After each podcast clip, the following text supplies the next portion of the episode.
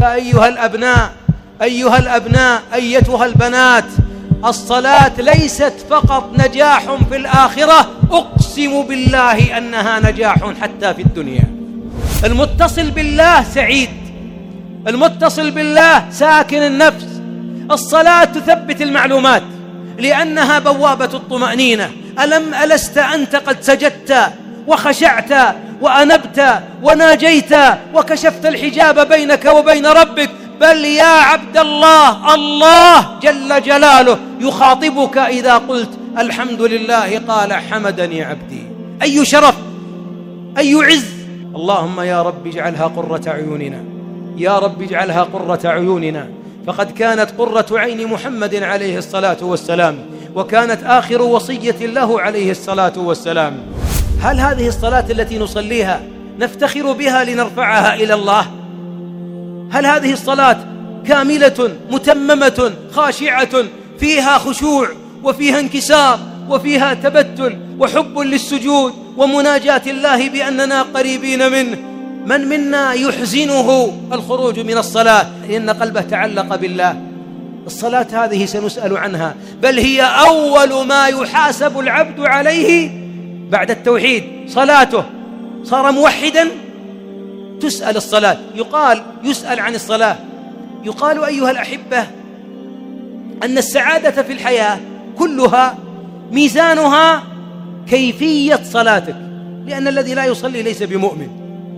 وكان من السلف يقولون ما ظننا أن مسلما يترك الصلاة قط. بل يقول أحد الوعاظ ألقى كلمة في مسجد فقال يا أيها الناس حافظوا على الصلاة النافلة وخاصة الراتبة التي بعد الصلاة وقبلها.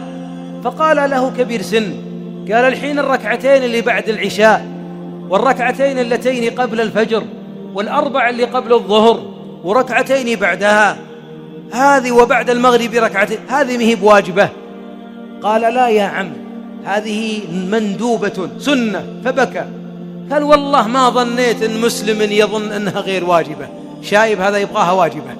يقول كيف يصلي ولا يتمم النقص في صلاته؟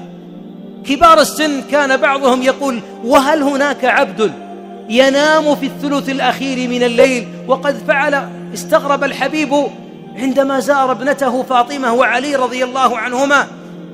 فقال أفي مثل هذا الوقت تنامان؟ الصلاة سلم العروج. إلى الملكوت الأعلى سلم العروج إلى عذ... إلى عذوبة الروح وأنسها. الصلاة معناها أن تنفصل عن الخلق لتخاطب الخالق لتكلم الله بدل أن تكلم المخلوق. معناها أن ينكشف الحجاب بينك وبين ربك. ستسأل عنها لأن الله عندما فرضها في السماء ليبين للأمة أنه لا يتم دين عبد إلا بها. وليس في دين الإسلام شيء تركه كفر إلا هي كما قال علماء السلف. لذا ستسأل عن الصلاة. وباختصار اللي ما يصلي لا يحب الله. اللي ما يصلي لا يرجو الله. اللي ما يصلي لا يخاف الله. اللي ما يصلي ارتد عن دين الإسلام. حتى ولو كان يطوف ويسعى ويتصدق ويقرأ القرآن وذو خلال وخصال لأنها عمود هذا الدين. لذا أحبابي نقول لبعض شبابنا أخلاقهم طيبة وحبوبين وبعضهم بار بوالديه لكن صلاة الفجر لازم ما تصلى إلا عند انتصاف الضحى. إذا كنت كما أو أن صلاته إذا صلى انظر إليه. الله أكبر سمع الله. أكبر يقولون أن أحد الأئمة رأى رجلا يصلي بسرعة فقال له إما أن تصلي صلاة ترضي ربك أو ابحث لك عن رب يرضى بهذه الصلاة. كلمة صدم صدمة. يعني هذه الصلاة لا يرضي لا ترضي الله. ولذلك الحبيب في حديث المسيء قال ارجع فصلي فإنك لم تصلي. تصدقون أحبابي بعضنا له أربعين سنة يصلي ولم ترفع له صلاة. إما لصلاة إما لأن الفاتحة يلحن فيها عمدا أو أنه لا أو أنه ما تعلم الفاتحة أو أنه لا يتم ركوعها. ولا يتم سجودها إنما هي نقر وتفكير. وبعضنا والله أحبابي يقول لي إمام مسجد يا شيخ تصدق صليت صلاة الظهر ست ركعات ما قال أحد من المأمومين. سبحان الله قلت أنت مصلي في بموتى أم أحياء؟ قال والله وراي يا شيخ أسمعهم. ما يدرون قلوبهم انشغلت. ولذلك في الصلاة قد يرفع لك الصلاة كاملة وقد ترفع شطرها عشرها وقد لا يرفع منها ركعة. إذا من الأسئلة عن صلاتك ودعوة للي يصلي حسن صلاتك. واجعلها خاشعة وأكثر من النافلة حتى تتمها. اسمع قوله صلى الله عليه وسلم إن أول ما يحاسب العبد عليه يوم القيامة صلاته.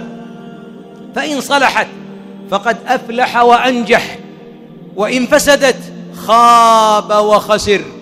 ولذلك أحبابي بعض الناس رصيده صفر في النوافل. فإذا رأى الملائكة أن صلاته قصرت يعني حصل سبعين في المئة وعشان يدخل الجنة هذا مثال لابد من مئة في المئة. انظروا لعبدي هل له من تطوع؟ أول من يطلع المسجد هو جزاه الله خير.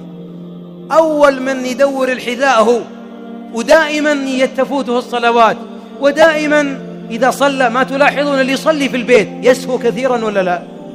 يقينا صلي في البيت تسهو. تسهو. تصلي وحدك تسهو.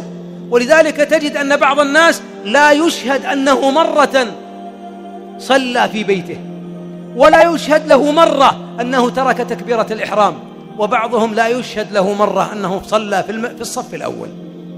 وهو أحيانا من الخيرين ظاهرا. لذلك يقول أول ما تسأل يسأل يحاسب عنه الصلاة. ولذلك يقول فإذا فسدت خاب وخسر فإن انتقص من فريضته شيء. قال الرب عز وجل انظروا لعبدي هل له من تطوع؟ فيكمل بها من انتقص من الفريضة ثم يكون سائر عمله على ذلك.